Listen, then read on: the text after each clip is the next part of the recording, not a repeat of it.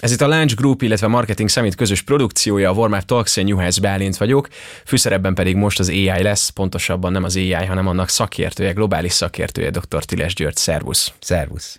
A FAI Institute elnöke is vagy, ez mi pontosan, mert hogy jó sokan vagytok, akik az MI-jal foglalkoztok? Ez egy globális tanácsadó és kutató cég, amelyik megpróbálja lefedni azt a teljes spektrumot nagyvállalatoknak, meg kormányzatoknak, ahol AI stratégiára és bevezetésre van szükség. A lehető legdiverzebb dimenziókon keresztül dolgozunk a világ összes kontinensén, és mindenki magyar származású a vezetőségünkből. És ez hogy néz ki, hogy mondjuk Szingapúr küld egy e-mailt a File Institute kukac bármilyen.com-ra, és akkor így indul el a beszélgetés, vagy mondjuk egy kormány az hogy keres meg? Sokszor van úgy, hogy megtalálnak, általában ajánlásokon keresztül, de pontosan azért, mert mi benne vagyunk a világ legnagyobb AI szabályozási, standardizációs, különböző tanácsadó testületeiben a, a nevünk pörög forog, és akkor így sokkal könnyebb minket megtalálni. 2023 az MI éve, vagy az AI éve, vagy Szerinted ezt rá lehet húzni, vagy ez már sokkal korábban kezdődött? Én azt szoktam erre mondani néha, hogy 2023, vagy pontosabban 2022 novemberétől ugyanabban a történelmi pillanatban vagyunk, mint amikor a Ford T-modell kijött Amerikába a 20. század elején. Tehát, hogy, hogy mainstreami vált, komerciálisan értelmezhetővé vált, a gazdaság számára meghatározóvá vált, szóval a mítoszok meg a, ez a jövőből átkerült az egész a jelenbe, mindenkinek megjelent a, a gondolkodásában is, a gépén, az eszközein, a generatív mesterséges intelligencia robbanása szerintem a, a legnagyobb lépés volt annak tekintetében, hogy a társadalom és a gazdaság felismerte azt, hogy erről nem jövő időben kell beszélni ez a ChatGPT emberek közé való kiengedésének dátumát jelölje? Ez egész pontosan igen. 22 novemberében úgy döntöttek, hogy kiraknak egy tudományos kísérletet, amiből hirtelen lett több millió felhasználó, a többit meg már nagy részt ismerjük, azt Igen. hiszem. És a legtöbb globális cég alkalmazottai a titkos fájlokat és mindent szépen bele is töltöttek. Hát egészen addig, amíg az órukra nem koppintottak, ugye? Tehát van, van egy csomó nagy cég a világban, sőt, mint a mi klienseink közül is általában sok van, aki vagy a teljes tiltás mellett volt még sokáig, vagy pedig amellett, hogy ilyen bonyolult poliszikat fogalmaztak meg házon belül, mi szerint, hogy vállalati adatokat nem tölthetsz fel rá, a saját kis dolgaidat csinálhatod vele, tehát mindenki most próbálja a fogást találni ezen, de megoldás egyébként valami olyasmi lesz, ami a ChatGPT vonatkozásában, ami egyébként csak egy, azt szeretném hangsúlyozni, hogy az első és egy a sok vonatkozó nyelvi modell közül pont tegnap jött ki az Enterprise verziója, ami ezt a problémát orvosolja azzal, hogy az adataidat nem használják betanításra, és nem bukkannak föl a konkurencia szerverén a te pénzügyi adataid. És ez, amit most említette, ez a 2022. november, ez véleményed szerint is paradigmaváltás, vagy ez most csak így a globális marketingben és a trendek miatt mondható annak? Hát attól függ, honnan nézzük. Tehát, hogyha, hogyha tudományos szempontból nézzük, akkor nem valami nagy trúvája, ami történt. Mikor láttál ilyet először? Mi, micsodát? Hát ChatGPT-hez hasonlót. A ChatGPT annyiban érdekes volt, hogy valamit, amiről mindenki tudott, és már, már mint a, aki a szakmában van, azt tudott, és azért három-négy éve azelőtt már létrejöttek a transformer technológiák, ami ennek gyakorlatilag az alapját képezi, és a Google találta ki egyébként, majd az OpenAI a microsoft a szövetségben csinált belőle terméket, ráadásul úgy csinált belőle terméket, hogy amikor kirakta ezt a kísérletet, még nem tudta, hogy neki nagyon gyorsan terméket is kell ebből csinálni. Szóval érthetőség, marketing, hozzáférhetőség szemszögéből barami fontos volt, mert hogy mondjak neked egy példát, én pár évvel ezelőtt az Ipsos nevű cégnél dolgoztam vezérigazgató helyettesként Párizsban. Ez egy nagy közvéleménykutató meg adatcég. És, és ott már 19-től fölfelé csináltunk olyan nagy társadalmi kutatásokat, amiben azt néztük, hogy az emberek hogy viszonyulnak a mesterséges intelligenciához. És tulajdonképpen ma ugyanezt látom Pepitában, mint 19-ben, csak már új mást jelent az AI, többet jelent az AI, mint akkor, többet bizonyított, ha úgy tetszik de az nagyon-nagyon megfigyelhető, hogyha az emberek a mítoszokból indulnak ki, magyarán abból, hogy a média mit sugal nekik, vagy a Terminátor filmből, meg a hasonló toposzokból, akkor inkább félnek tőle, ha meg inkább eszközt látnak vele, és van személyes élményük vele kapcsolatban, akkor inkább a hasznosság felismerése dominál. Tehát nagyon-nagyon sokat számít az, hogy tényleg ott van-e nálunk, vagy csak beszélünk róla általában, mert ez határozza meg az alapvető attitűdünket, hogy pozitív vagy negatív lesz. És szerinted miért mennek, miért futnak ekkorát ezek a cikkek, amik éppen azt vitatják, hogy mikor ébred öntudatra, mikor lesz belőle Arnold Schwarzenegger? Hát ezt te is tudod, mint médiás szerintem, hogy a rossz hír az háromszor akkora hullámokat vesz, vet, mint a jó. Tehát ezzel, ezzel viszonylag könnyű klikeket vadászni, és amíg a klikvadászat a fő cél, addig, addig alapvetően ilyen cikkeket fognak írni a, a médiamunkások. És véleményed szerint miről kellene inkább beszélni az MI és a mesterséges intelligencia kapcsán? Hát szerintem a legfontosabb kérdés az most az, és pár évvel ezelőtt is így gondoltam, de, de viszonylag konzekvensen tudom ezt az álláspontot képviselni azóta is, hogy megtanuljuk terelni, megtanuljuk használni, megtanuljuk terelni, Pontosan azért, mert az eszenciája ennek az, hogy ez egy ilyen általános felhasználású technológia. Ezt amerikaiul úgy mondják, hogy General Purpose Technology, nem is tudom jól lefordítani magyarra, de ez olyasmi, mint az elektromosság. Tehát kijött valami, ha, ha csak arra szűkítjük le az egészet, hogy a mostani nyelvi modellek, ami csak egy nagyon-nagyon kis szelete annak, amit a mesterséges intelligencia általában tud, mire képesek, akkor a világ most abban a szakaszban van, hogy éppen találjuk ki, hogy mire képesek, és sokasodnak azok a gyűjtemények, amik arról szólnak, hogy 2000 dolog, amire tudod használni a ChatGPT-t. Mindenki most ilyen könyveket írhat, sok tekintetben a ChatGPT-vel vagy hasonló nyelvi modellekkel. Tehát most ott vagyunk, hogy a világ megpróbálja megtalálni azokat a use case-eket, azokat a felhasználási területeket, ahol a legjobban tudja ezt hasznosítani. Tehát az experimentálás és a kitalálás korszakáról szólt az elmúlt pár hónap a nyelvi modellek tekintetében. Aztán persze az az előtti kor már 5-6-7 évvel azelőtt is, hogy kijött volna a ChatGPT, arról szólt, hogy az AI más területei már rob, robbanásszerűen és nagyon-nagyon melyen beépültek szinte minden digitális termékbe, amit használunk. Csak a kettő között az volt a nagy különbség, szintén pszichológiailag és társadalompszichológiailag közelíteném meg a dolgot, hogy tudtuk mi azt, hogy a Facebook, meg a Netflix, meg az Amazon, meg sok esetben a titkosszolgálatok és védelmi és hírszerzési tevékenységek mögött már mesterséges intelligencia van. Csak ez nem valami olyasmi, amit pozitívumként azonosítottunk, hanem úgy azonosítottunk, hogy ez valami, amihez nekem nincsen közöm, és megtörténik velem, valakinek a kezében van, valakinek a kezébe koncentrálódik. Én inkább elszenvedője vagyok ennek a folyamatnak, mint aktív alakítója.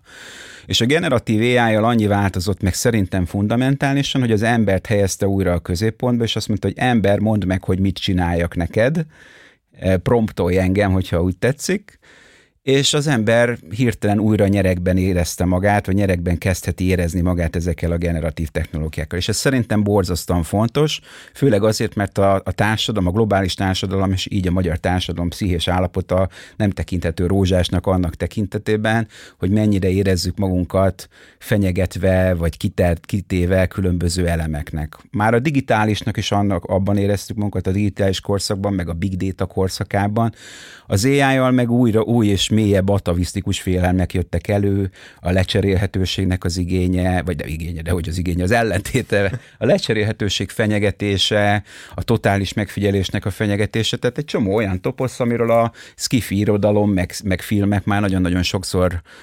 megemlékeztek, és szerintem ebben nagyon-nagyon lényegi volt, hogy most megkaptuk azt a kezünkbe, hogy alkossunk ezzel valamit. Na és ezek a science fiction filmek mennyire tükrözik le a valóságot, ha már dolgozol különböző kormányoknak, országoknak? Tehát, hogy vannak-e ilyen jellegű igényeik? Hát szerintem a legtöbbször a hiba az az, hogy, hogy, hogy a science fiction az nagyon szeret ezzel az antropomorf humanoid robotokkal operálni. Tehát ennek a klasszikus példája Terminátor, de nagyon sok ilyen volt. És a robotika még messze nem tart itt, bármit is tódít Elon Musk, hogy, hogy ez, ez kézzelfogható valóság legyen, és mindenkinek legyen a szekrényben egy házi robotja, ami mindent megcsinál helyette, leoktatja a gyereket, és elmossa a ruhát. De én úgy gondolom, hogy a science fictionnek pont az a lényege, hogy inkább a távolabbi jövőről próbál mesélni nekünk, és nem, nem, a, nem a jelenről. Mondjuk vannak azért kivételek, mit tudom én, a Black Mirror a, a Netflixen, ami, ami majdnem, hogy jelen időben e, szeret gondolkodni. Én úgy látom, hogy technológiailag nagyon sok minden rendelkezésre áll, hogy science fiction-szerű utópiákat vagy disztópiákat hozzunk össze jelen időben, Legtöbbször az utópiáknál az a közös akarat az, ami hiányzik hozzá, meg a vonatkozó funding. A disztópiáknak meg talán számunkra az a szerencsés, hogy, hogy ez csak a világ bizonyos régióiban terjedhet, hogy is mondjam, nyakló nélkül, tehát mondjuk az ilyen totális megfigyelés államok, és a, és a mi demokratikus államainkban azért ennek komoly fékei meg egyensúlyai vannak, hogy, hogy ez megvalósulhasson. Hogy csak egy példát mondjak neked, mert én nagyon sokat foglalkozok a szabályozási részével is a, az AI-nak. Ugye Kínában ez egy bevett történet, ez a, a, a társadalmi kreditrendszer, meg a megfigyelésnek a nyakló nélküli terjedése. Az Európai Unióban ez a két dolog például teljesen tiltva lesz. Tehát az, az, az EU nagyon-nagyon határozottan állást foglalt amellett, hogy lesznek tiltott tűrt és támogatott AI technológiák, és ez a kettő, ez mindenképpen tiltva lesz. Plusz még van egy nagyon-nagyon érdekes kategória, amit, ami a mi mostani marketing summitunkhoz is kapcsolódik, mégpedig az, hogy azt láttam az Európai Unióban, hogy a, a, a manipulációt, az AI-jal végzett manipulációt minden szempontból támadni akarják, és ahogy a költő mondja Magyarországon, ugye repült egy nehéz kő, és ki, fogja, ki tudja, hogy hol áll meg, nekem is most úgy van, hogy amióta ez a szó és ez a kitétel, hogy az AI alapú manipuláció tiltottnak fog számítani az Európai Unióban bekerült a törvénytervezetbe, azóta folyamatosan azt láttam, hogy ennek határa, hogy mi számít manipulációnak, folyamatosan tágul.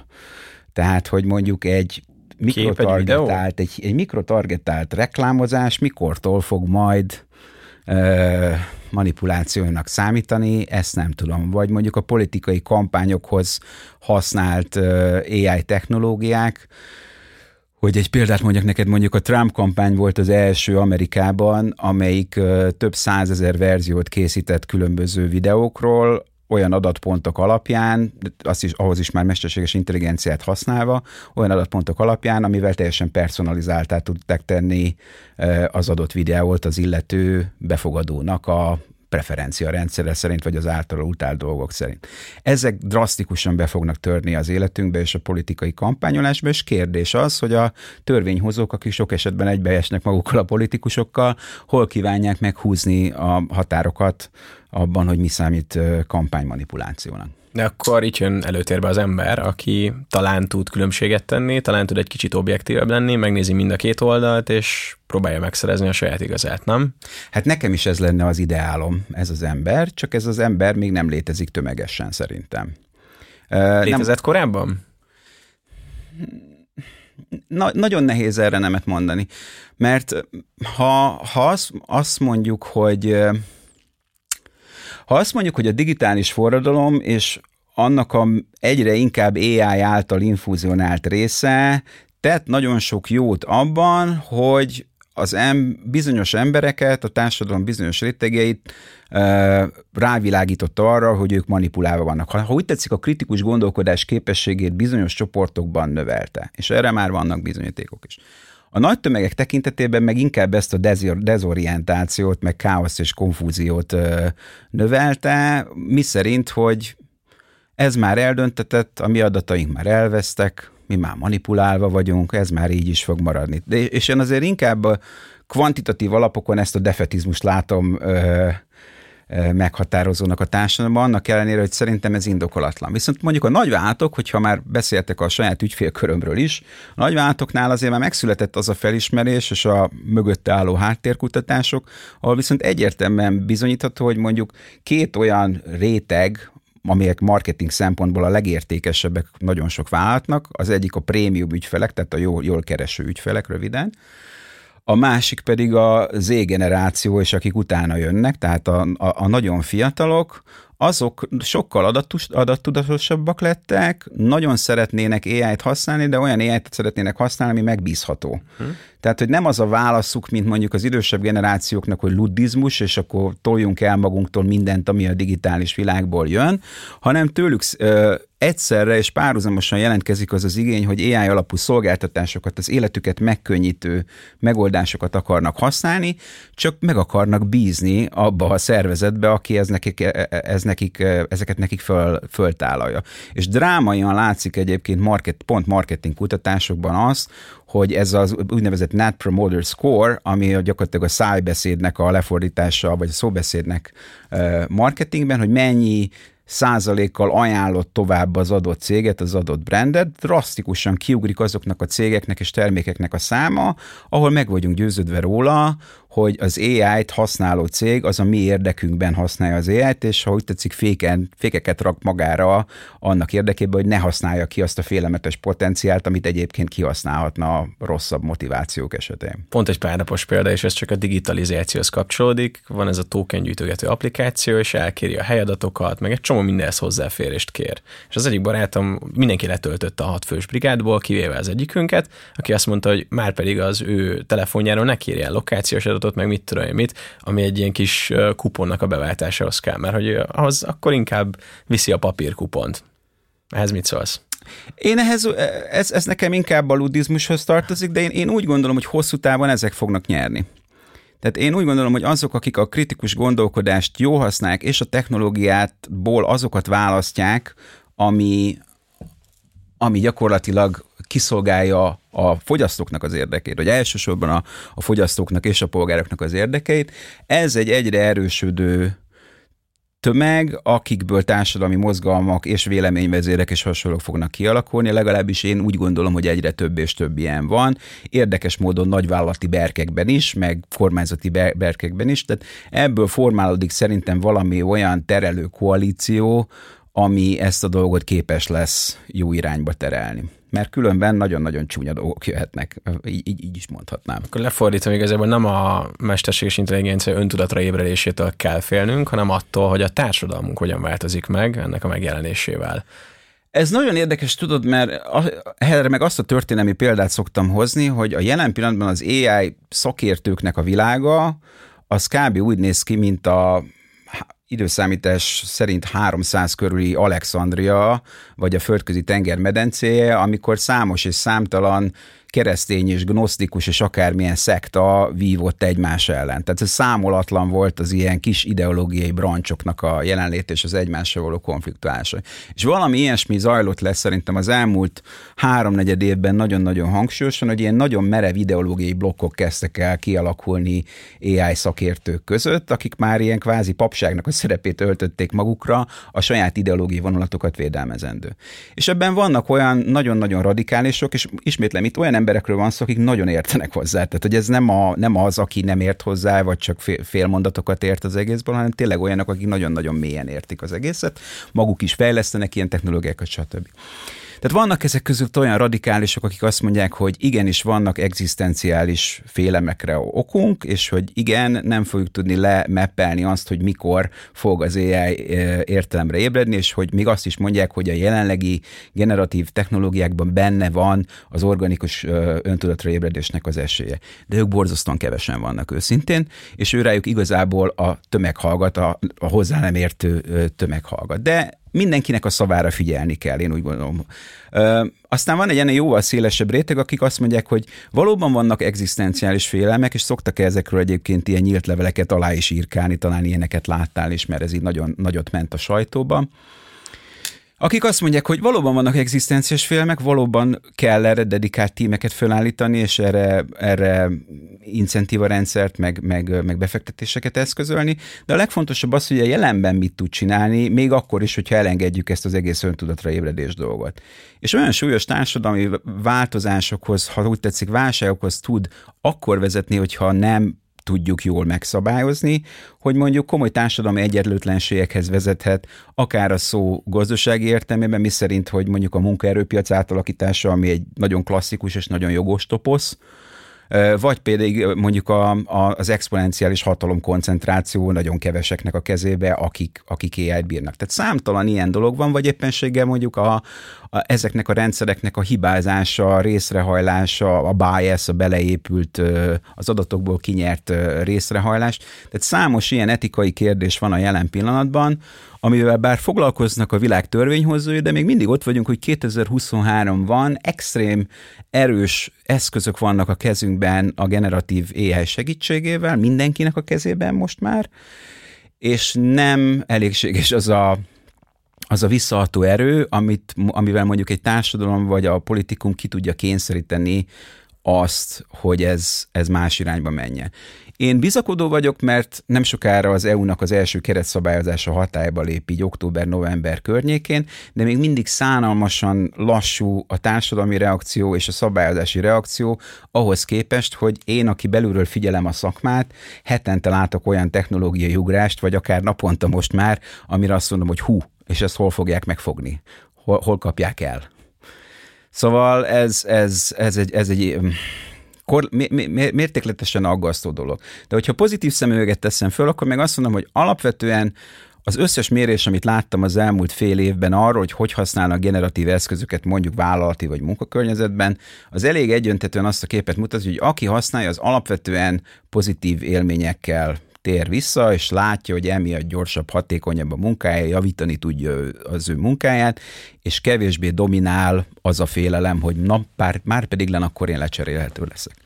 Szerintem ez a félelem az nem is a mesterséges intelligenciát, hanem saját magunktól van, nem? Hát attól is, meg a főnökünktől, meg a szervezet típusunktól, ahol dolgozunk, meg, meg attól, szerintem egyébként a gyökere az, és tegyük szívünkre a kezünket, hogyha manapság valaki valamilyen korporát, vagy közigazgatási, vagy valami ilyen nagy szervezetben végez munkát, akkor az változó, hogy hány százalékét tekinti az ő saját munkájának feleslegesnek, de benne van biztosan legalább 30-40-50 százalék, amire úgy gondolt, hogy engem nem azért vettek föl, meg nem azért jártam egyetemre, hogy izé űrlapokat töltögessek ki, meg tehát hogy nagyon-nagyon sok felesleges dolgot csinálunk. És hogyha az optimista szemüveget teszem föl az AI mint eszközrendszer vizsgálatára, akkor azt mondom, hogy igenis, ezek a túlok arra jók, hogy A, a felesleges munkafolyamatoknak egy jelentős részét le tudják venni a vállunkról, ergo nettóban valószínűleg boldogabbá tesznek mindenféle munkavállalat. Akinek 90 szá- vagy 100 százalék volt a munkakörének az ilyen tedd ide, tedd oda, és tologasd ezt az aktát, vagy menedzseld ezt a processzust, annak valóban van valamennyi félnivalója ettől.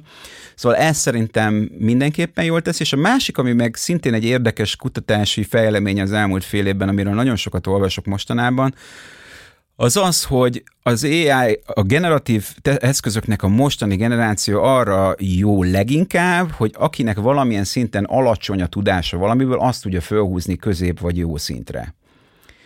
Mondok erre neked egy, megint egy példát, ez mondjuk ügyfélszolgálatos példa lesz, amire be nagyon sok egybecsengő ö, tanulmány látott napvilágot szintén az elmúlt hat hónapban, hogy azt tudja a legjobban csinálni, hogy, hogy egy kiképzetlen ügyfélszolgálatos, aki most kezd dolgozni, azt két hét alatt tudja egy olyannak a szintjére felhúzni, aki már hat hónapja ebben dolgozik minden nap. Tehát hogy nagyon fel tudja gyorsítani azt a, azoknak a, a tudás érettségi folyamatoknak a szintjét, ami, ami korábban kinkeserves volt. Ha ezt áttek, átteszed számítástechnikába, egy junior programozó, egy junior fejlesztő plusz AI, az lehet, hogy medior fejlesztő a mostani terminológiában. De hogy a marketingről is beszéljünk egy kicsit, sőt ne is kicsit, azok is viszonylag egybehangzó tanulmányok a közelmúltban, hogy a marketingesek, akik használják és jól használják, azok körülbelül a egy hónapot tudnak belőle spórolni egy évben, ami azért húzós ha, ha belegondolunk. Tehát egy egy hónapnyi munkát ki tudnak váltani a mesterséges intelligencia eszközök használatával. Jó, de te olyat még nem láttál élőben, hogy valakinek elvette a munkáját.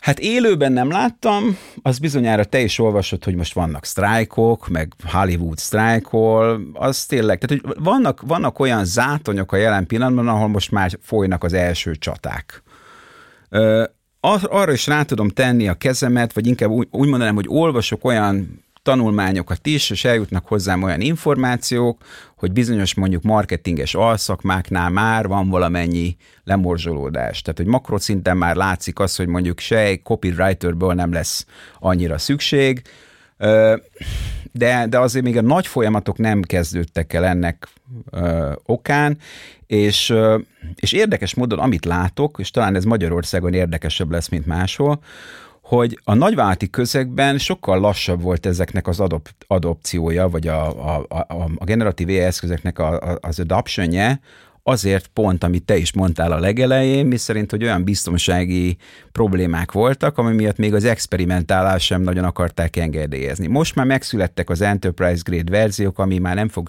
ö, sokkal több akadályt gördíteni ezzelé, de például, mit tudom én, pár hónappal ezelőtt tartottam egy előadást egy, egy olyan világszervezetnél, ami nagyon sok kis PR ügynökséget tömörített a világ minden sarkából.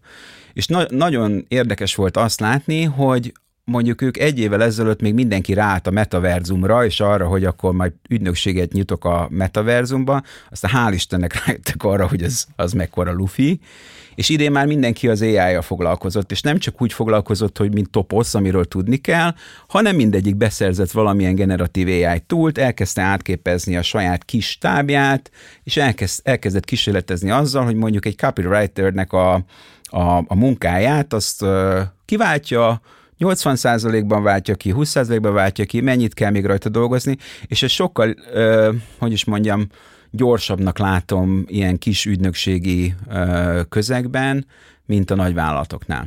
Annál is inkább, mert mondjuk az ügynökségnek egy olyan feladata is van, sok esetben ők dolgoznak a nagy halaknak, és tőlük várja a nagyvállalat azt, hogy akkor súgjál nekem, hogy mit lehet ebből csinálni. Oké, és nézzük meg akkor, légy szíves a nagy pozitív szemüvegedet vett fel, és hogy, hogy mit mondasz, hogy a következő kis időszakban, ami mondjuk legyen két év, talán annyira előre látunk, mennyibe változtatja meg úgy az életünket, hogy mik lesznek a pozitív hozzáadott értékei, akár annak, hogy a ChatGPT itt velünk van, mert akkor ezek szerint ez nem lufi. Én szerintem biztosan nem lufi. Az, az száz, a, tehát na, a lufi része az az lehet, a, a, az én szótáramban a hype az azt jelenti, hogy overinflated expectations, tehát hogy valaki túlságosan sok jelentőséget tulajdonít dolgoknak. És való igaz, hogy a média nagyon-nagyon szereti még nagyobbra fújni a lufit, mint amilyen, vagy mondjuk ugye a, a valós dolgot. De én úgy gondolom, hogy az a fundamentum, amire ez a technológia épült, és az az exponenciális sebesség, amivel egyrészt fejlődik, másrészt a már meglévő csatornákon keresztül a nagy technológiai platformok be tudják juttatni mindenbe, amiben van. Tehát ezért veszélyes, amikor csak a ChatGPT-ről beszélünk, érted? Mert a, ahhoz, hogy te ChatGPT-t használ, azért egy jó ideig föl kellett menned az OpenAI-nak az oldalára, venned egy előfizetést, hogyha nem az ingyenes verziót akartad használni, stb. És a következő korszak az szerintem két dologról fog szólni, és a hatását azt nem tudom most még felbecsülni, hogy ennek milyen vadhajtásai lesznek, de két dologról fog szólni, vagy inkább háromról, hármat mondok. Az egyik az az, hogy minden egyes szoftver termék, amit most használunk a világban, legyen az e-commerce szolgáltatás, vagy irodai szoftver, vagy akármi, mindegyikben alapkomponensként fog megjelenni az AI. Tehát az összes nagy technológiai platform, meg szoftver cég, ha úgy tetszik, AI-osítani fogja az összes szoftverét. Ez azért jó, mert sok esetben észre se fogod venni, mint, mint egyszerű felhasználó, hogy emögött AI van, vagy nem mindig fogod, fogod tudni, hogy emögött AI van. Ha meg tudod, akkor meg sokkal jobban ki tudod használni a, a szoftvernek a benne rejlő képességeit. Tehát ez az egyik. Magyarán a még meglévő csatornákon keresztül, amikkel már elérnek minket ezek a nagy cégek, ezekkel, ezeken keresztül AI-osított szoftvereket fogunk hozni. A másik ugye a prompting, amiről beszéltünk. Ugye az, hogy a jelen pillanatban még ott tartunk, és ez szerintem egy rövid időszak lesz, amikor a generatív AI technológia úgy fog működni, hogy elvárja tőled azt, hogy bár nem kell öt évig a BMN szoftverfejlesztőnek tanulnod, vagy Python ö, ö, izékra, kurzusokra járnod ahhoz, hogy AI tudjál programozni, de azt mindenképpen elvárja tőled, hogy tanulj meg egy olyan speciális, ennél jóval könnyebb kódnyelvet, amit promptingnak hívnak, ami gyakorlatilag azt jelenti, hogy hogyan tudod optimalizálni azt, hogy a gép tényleg azt hallja meg tőled, hogy ez generál nekem szövegben, képben, videóban, stb. Tehát, hogy ez most egy ilyen féltudomány lett. Én, én szerintem ennek azért lesz gyorsan vége, mert a nagyvállalatok, meg a, nagy technológiai platformok azok kb. úgy működnek, mint a curling nevezetű sport, hogyha azt ismered. Tehát, hogy elindítanak egy terméket, belökik azt a nagy golyót a jégre, amelyik így siklik, és utána nekik annyi dolguk van, hogy mindent eltakarítanak a terjedés útjából. És gyakorlatilag ők most ezen dolgoznak, hogy mindent eltakarítsanak a terjedés útjából, ezért vették végre a, a szabályozást komolyan. Tehát ha két évvel ezelőtt megkérdezel egy Silicon Valley céget arról, hogy az EU szabályozni akar, mit fogtok tenni, akkor, akkor nagyon csúnyákat szoktak visszaválaszolni. Most már nem. Most már ott, ott állnak széles tömött sorokban, és azt mondják, hogy szabályozzatok minket. Na, és tehát ezzel csak annyit akarok mondani, hogy ha azt látják, hogy a prompting akadály lesz, akkor a fejlesztések abba az irányba lesznek tolva, és már vannak tolva egyébként, hogy mondjuk egy-két hónap múlva, szerintem az ősz az már arról fog szólni, hogy megjelennek azok az asszisztensek, amelyek megfordítják ezt a folyamatot.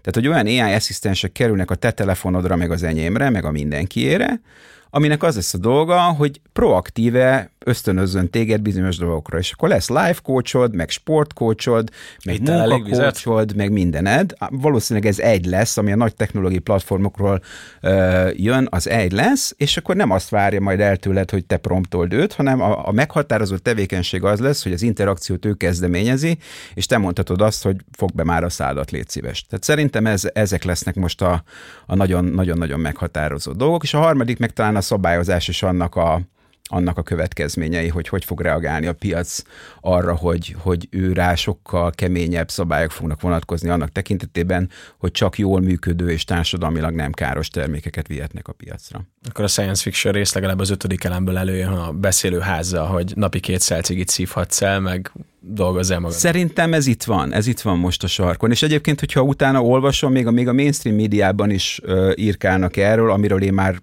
belső forrásokból régebb óta tudok, hogy ezek bizony ősszel piacra lesznek dobva ezek a termékek. Mi az, ami még téged lázban tart a mesterséges intelligenciával kapcsolatban? Mi az, van-e olyan szent grál, amire vársz?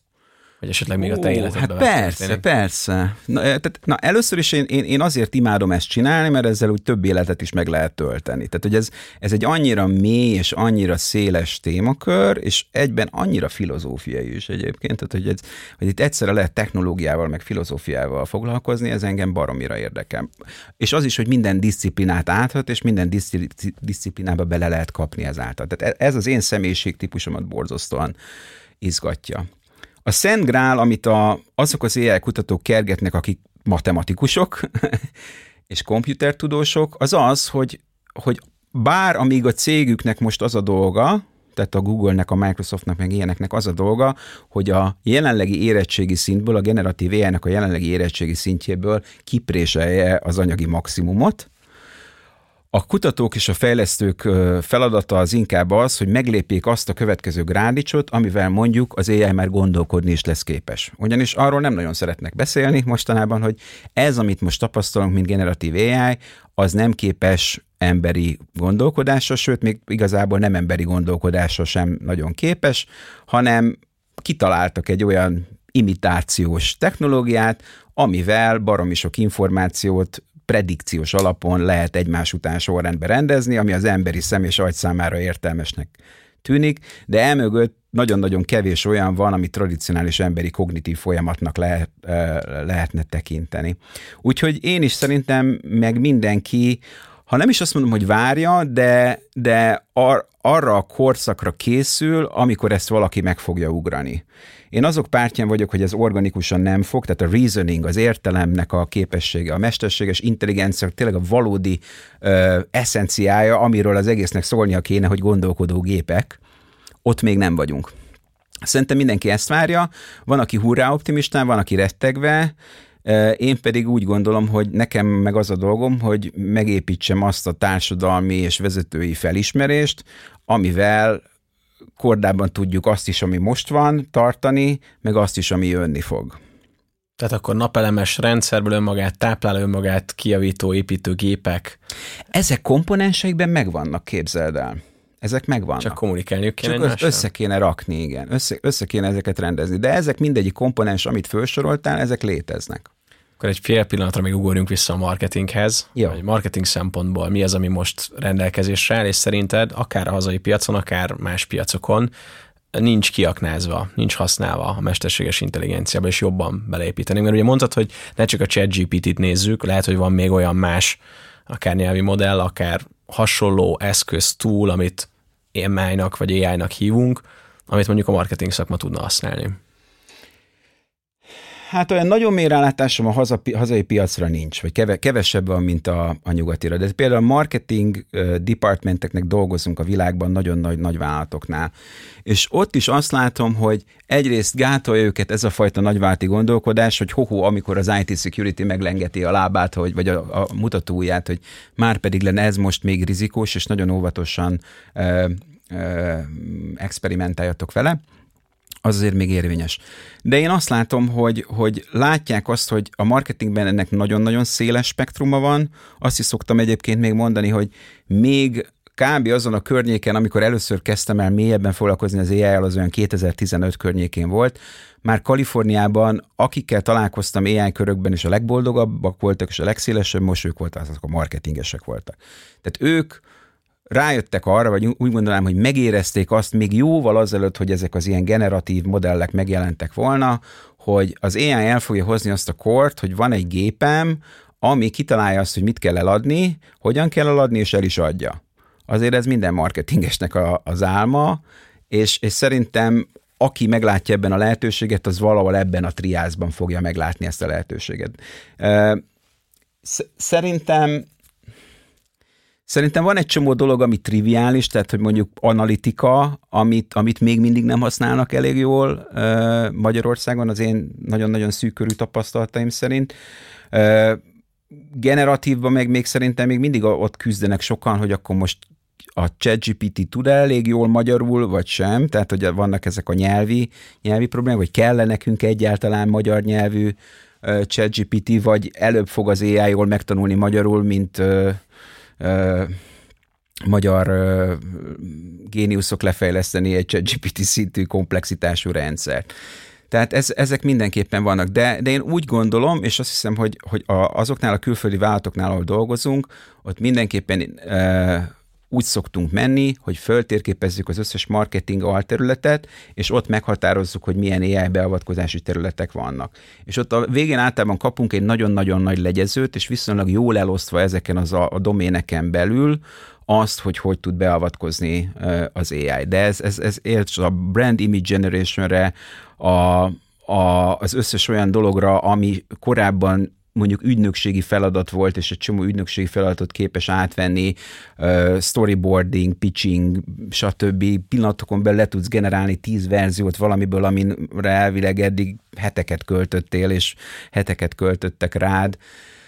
Szerintem azzal kéne, hogyha jó tanácssal zárjam a marketingeseknek, azzal kéne megbarátkozni, azzal a gondolattal, hogy ha a két éves távlatból indulunk ki, amit te mondtál, és valóban annyira gyors lesz a, a, a befogadása ennek a technológiának, Uh, ahogy én erre számítok, vagy inkább úgy mondanám, hogy nem ütközik különösebben nagy ellenállásba innentől fogva, hogy a fő kérdések meg lettek oldva, akkor mindenkinek a marketing szakmában is azzal kell megbarátkoznia, hogy ő inkább szupervizora lesz egy gépnek és ugye a, a korábbi munkájának egy szignifikáns százalékát, ami a jelen pillanatban a marketing szakmában olyan 35-40 százalékra van téve a jelen pillanatban, és akkor még az exponenciális tényezőt nem értettük bele, hogy ez két hónap múlva hány százalék lesz, meg négy hónap múlva hány százalék lesz, és biztos, hogy nem egy vagy két százalékkal fog ugrani, ezt előre mondom.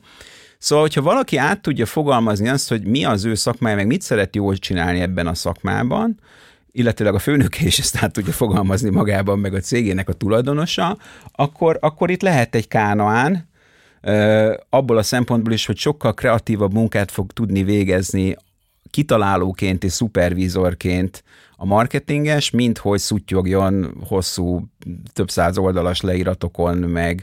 Tehát én, én, én inkább azt mondanám, hogy a lehetőséget lássák meg bennük. Hogyha ezeket az egzisztenciális félelmeket el tudják kergetni, illetve úgy gondolják, hogy jó helyen dolgoznak, ez is nagyon-nagyon lényeges lesz, mert a jó cégek ott fognak elválni a többitől, hogy azt mondják, hogy hurrá, tök jó, hogy van generatív AI, innentől több melót tudunk elvállalni, és több munkát tudunk adni az embereknek, akár jó esetben fizetésemelést tudunk adni, és nem azon gondolkodunk rögtön, hogy mi kiket hogy lehetne elküldeni, vagy lecserélni. Ha ezt meg tudjuk szokni, ezt a szupervizor szerepet, ami szerintem ez a meghatározó, és már most rá tudjuk állítani az agyunkat, akkor szerintem akkor nyerünk marketingesként. Hát akkor megkaptuk a main goalt, meg a feladat is, vagy a lecke is fel van adva, de kaptunk jó sok gondolatébresztő gondolatok, már jó sok pro tippet. Tiles György, köszönöm szépen, hogy a vendégünk voltál, és szeptember 14, te fogod nyitni az eseményt. Én köszönöm a lehetőséget, és alig várom. A Marketing Summiten találkozunk, köszönjük a figyelmet, további szép napot nektek, és nézzétek meg a további Warmart Talks videókat is, hiszen marketing szakemberekkel beszélgettünk a marketingről, illetve a jövő szakembereivel is beszélgettünk a marketingről.